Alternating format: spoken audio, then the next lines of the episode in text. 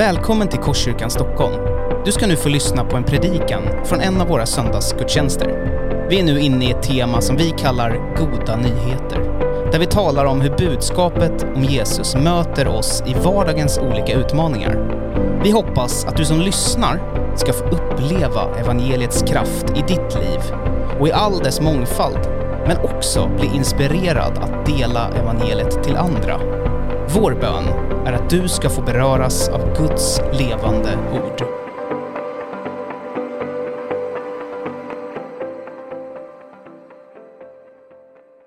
Vad gör Gud åt våldet?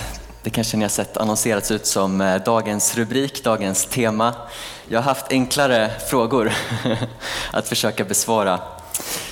Men vi ska gå in i, i Guds ord och söka vägledning i den här frågan. Så om du har din bibel så plocka fram Jesaja bok, profeten Jesaja kapitel 2. Och vers 2 till 5 ska vi läsa.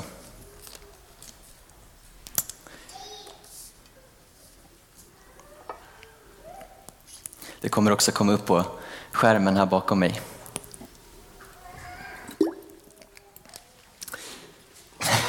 Roligt ljud.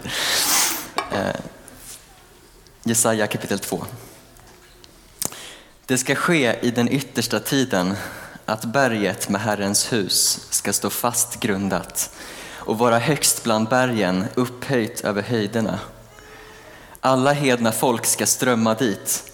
Många folk ska gå iväg och säga Kom, låt oss gå upp till Herrens berg, till Jakobs Guds hus. Han ska lära oss sina vägar så att vi kan vandra på hans stigar. För undervisning ska gå ut från Sion, Herrens ord ifrån Jerusalem. Han ska döma mellan hedna folken och skipa rätt för många folk. Då ska de smida sina svärd till plogbillar och sina spjut till vingårdsknivar. Folk ska inte lyfta svärd mot folk och inte mer öva för krig. Kom, ni av Jakobs släkt. Låt oss vandra i Herrens ljus. Vi ber också. Tack Herre för ditt ord.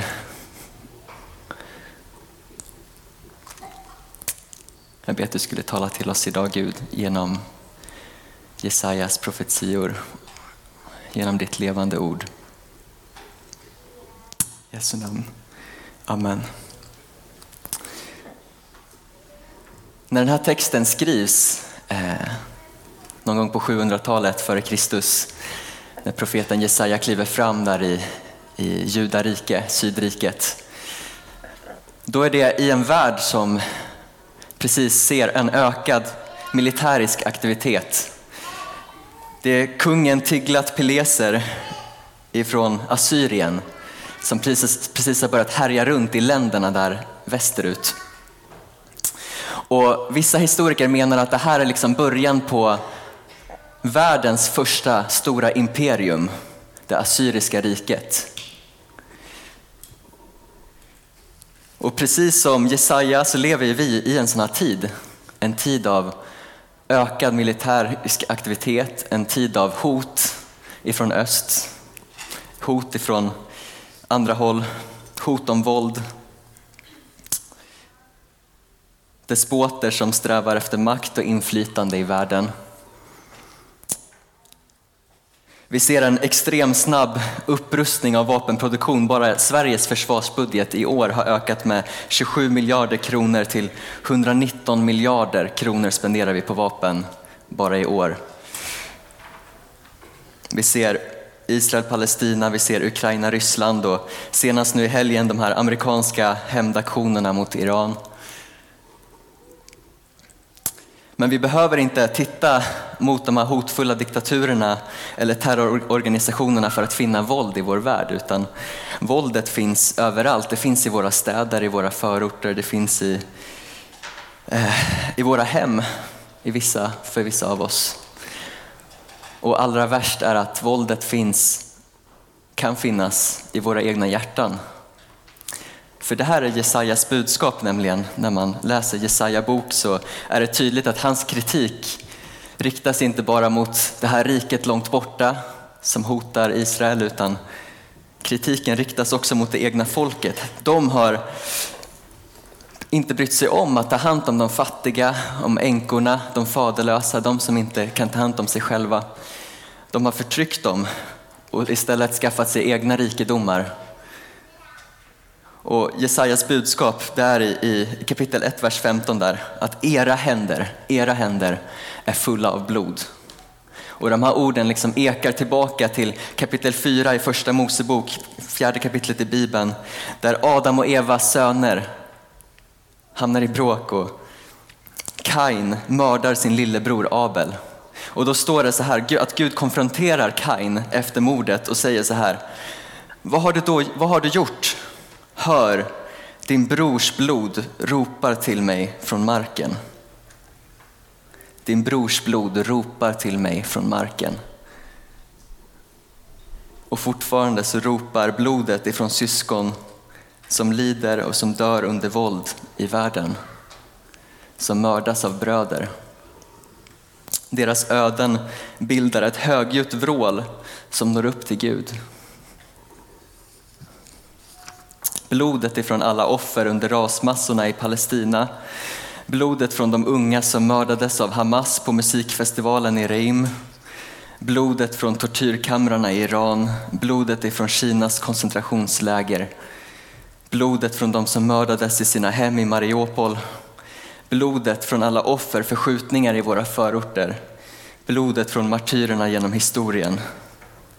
Den här världen är full av blod. Och vi behöver fråga oss, precis som Jesaja frågar folket, har vi blod på våra händer? Har jag blod på mina händer?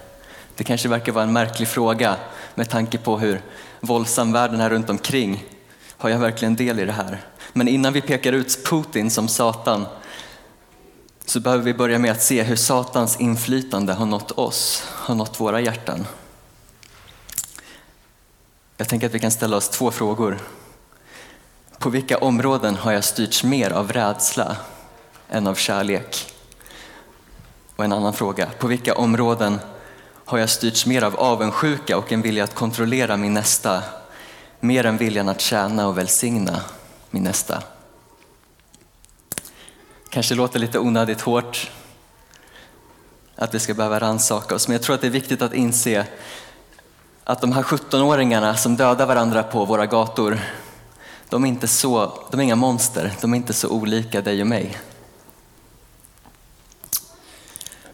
Och det är också viktigt att inse att det är väldigt enkelt att vara pacifist, alltså att motstå, ta till väpnat våld, när vi lever i ett land som har haft fred i 200 år.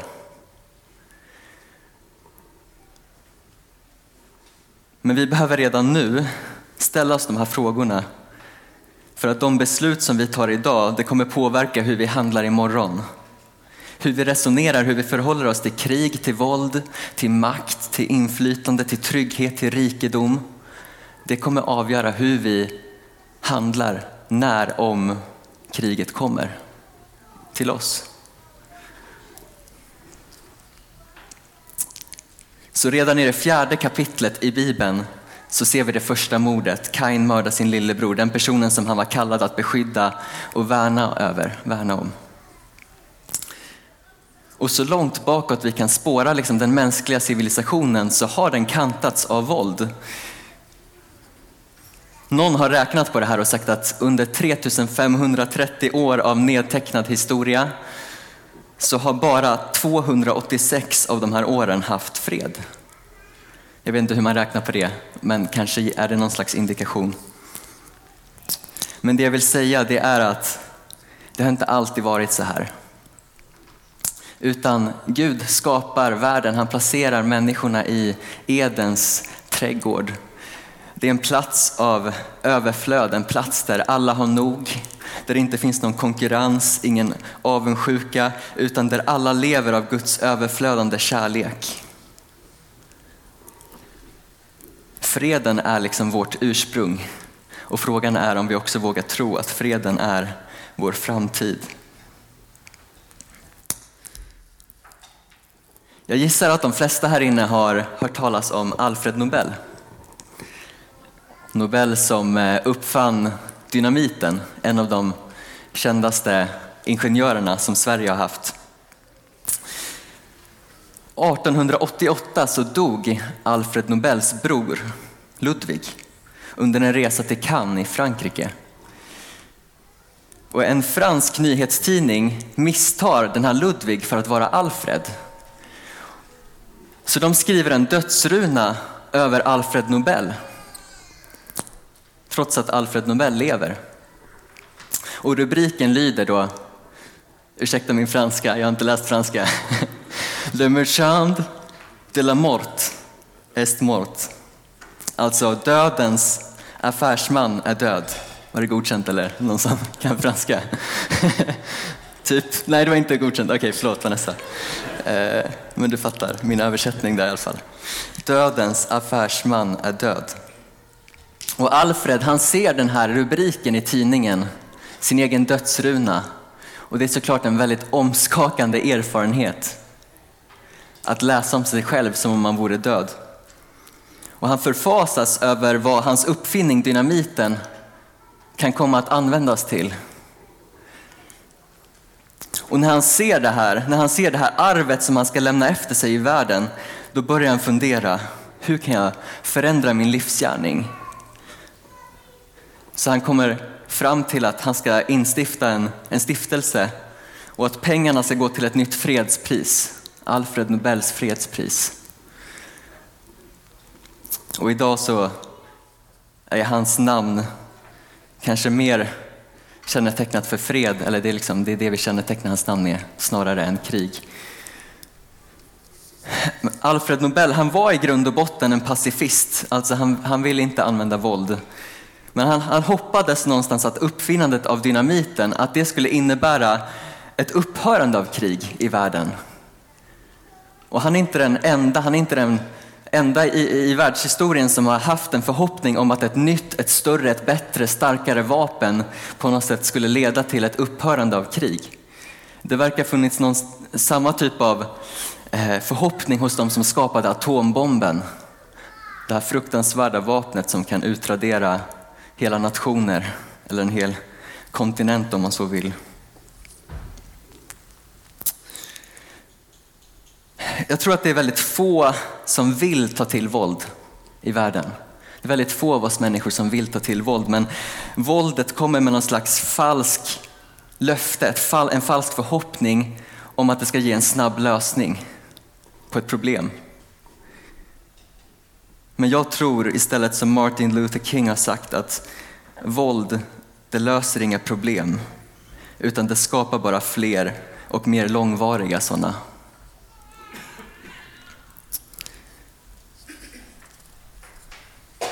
Borde vi liksom inte ha vuxit ifrån Kains fasoner nu? Vi som är så utvecklade, vi som har kommit så långt. Men nu står vi här med blod på våra händer och en värld som blöder. Ingen ideologi, ingen maktordning, ingen härskare, inget demokratiskt system har hittills lyckats bevara oss ifrån den här verkligheten. Men det finns goda nyheter och det är vårt tema på den här predikoserien, goda nyheter. Vad är de goda nyheterna? Vad var det vi läste? Vi går tillbaka till Jesaja kapitel 2. Och jag älskar den versen som vi läste i vers 4 där det står att han ska döma mellan hedna folken, skipa rätt för många folk. Då ska de smida sina svärd till plogbillar och sina spjut till vingårdsknivar. Folk ska inte lyfta svärd mot folk och inte mer öva för krig. Alltså det ska komma rättvisa till jorden. Gud lovar att han ska skipa rättvisa och vad ska hända? Jo, men det, de vapen som är menade att döda och förgöra, de ska smidas om till någonting som är till för odling, för att skapa liv och tillväxt. Och det är min någonstans naiva förhoppning. Jag tänker att jag måste få vara naiv idag, låta naiv om det nu är så. Men det är min förhoppning att, att alla de miljarder som idag läggs på vapen skulle kunna läggas istället på att bekämpa klimatkrisen, på att mätta hungrande, på att bota sjuka. Att de vapnen skulle få smidas om till någonting som får skapa liv.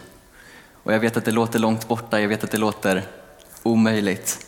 Men om inte ens vi som kristna kan tro på det, vilka ska då predika det här budskapet i världen idag? Om alla andra bara tror att det är vapen som kommer lösa världens problem, vilka ska predika ett fredens budskap om det inte är vi?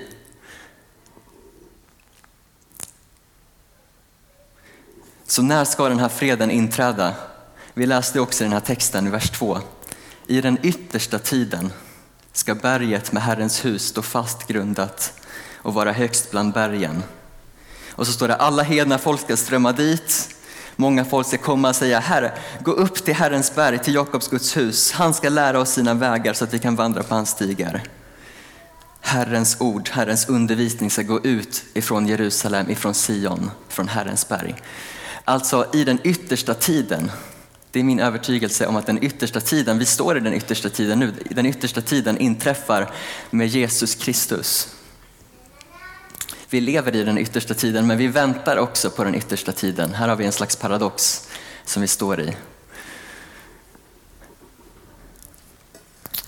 Den här verkligheten är här men vi väntar också på dess fullkomnande.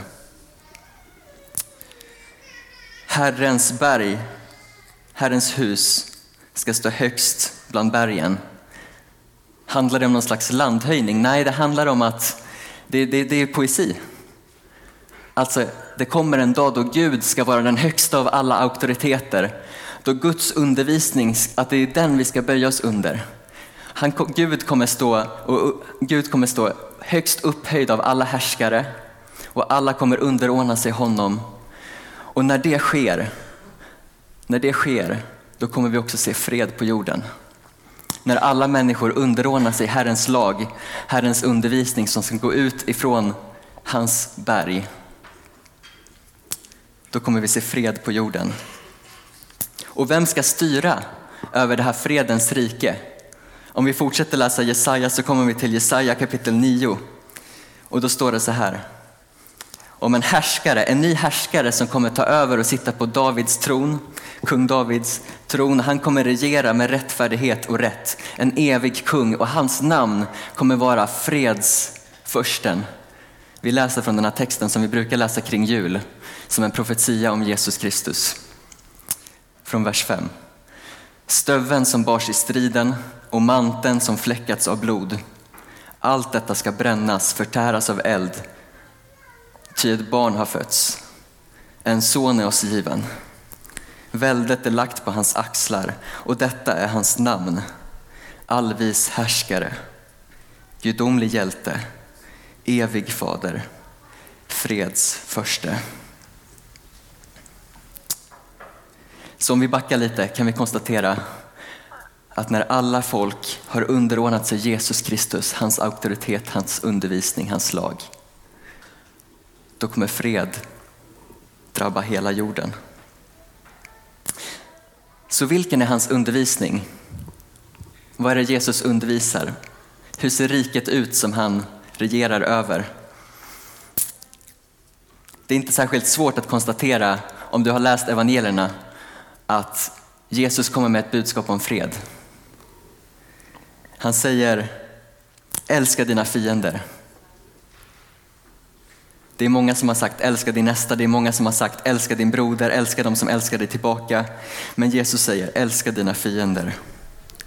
Och Jesus säger också i saligprisningen av Matteus 5, vers 9, saliga de som håller fred, de ska kallas Guds söner. Alltså för Jesus verkar det vara helt synonymt att om du är en Guds son och dotter, om du tillhör Guds folk, så är du också en som bär ut fred till världen. Att vara en fredets budbärare är detsamma som att vara kristen. Det fredsrike som Jesus ska regera över, det har sin början i oss som bekänner oss till honom, som följer hans undervisning. Vi ska vara fredens barn och när Jesus arresteras av de religiösa ledarna, de religiösa ledarnas tjänare, så plockar en av hans lärjungar upp ett svärd. Har ni läst det?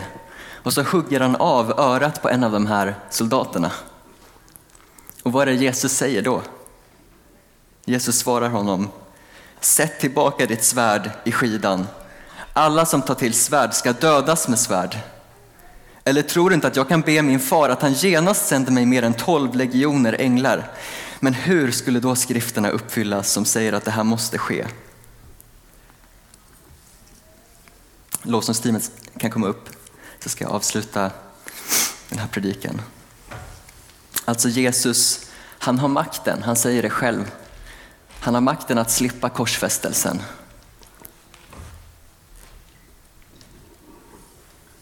Han behöver inte, det är ingen som tvingar honom.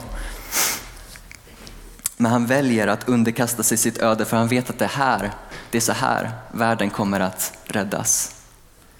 Det är genom Jesu död och uppståndelse som världen får se frälsning, räddning, räddning ifrån ondska, räddning ifrån från förtryck, räddning ifrån synd, lidande. Och tänk på det, att den enda som har rätt att hämnas den enda som har perfekt kunskap, den enda som är fullständigt rättvis, den enda som är fullständigt god. Han väljer att avstå sin hämnd.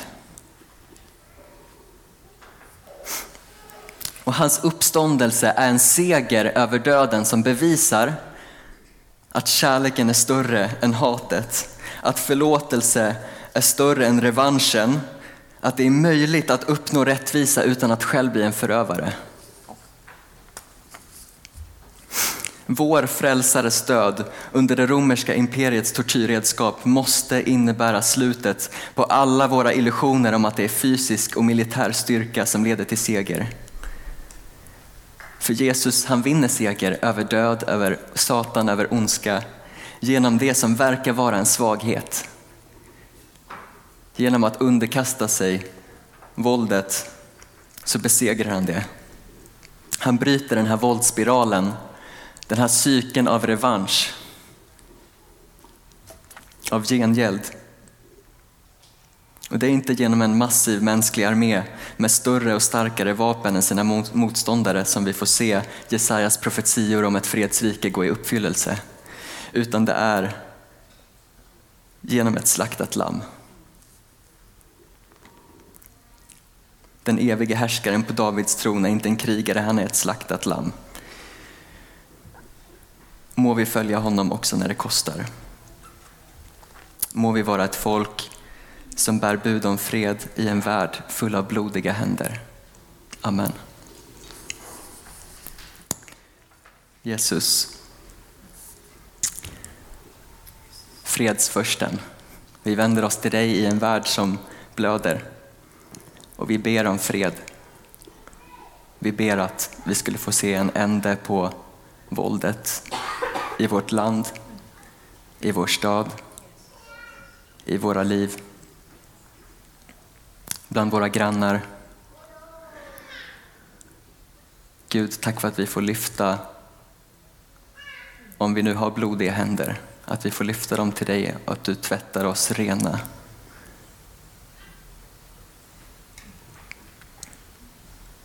Herre, hjälp oss att, att motstå frestelsen att bemöta våld med våld. Att bemöta ondska med samma typ av metoder. Jesus, hjälp oss att vara lite mer hoppfulla, naiva om det så vill. I en värld som verkar ha gett upp tron på fred. Tack för att du har all makt i himlen och på jorden. Amen. Du har nu lyssnat på en predikan från Korskyrkan Stockholm. Du är alltid välkommen att besöka våra gudstjänster. De är på söndagar klockan 11.00 på Birger i Stockholm. Om den här predikan har väckt frågor eller om du önskar att få kontakt med oss så hittar du våra uppgifter på korskyrkanstockholm.se. Där kan du också läsa mer om vår verksamhet. Gud välsigne dig.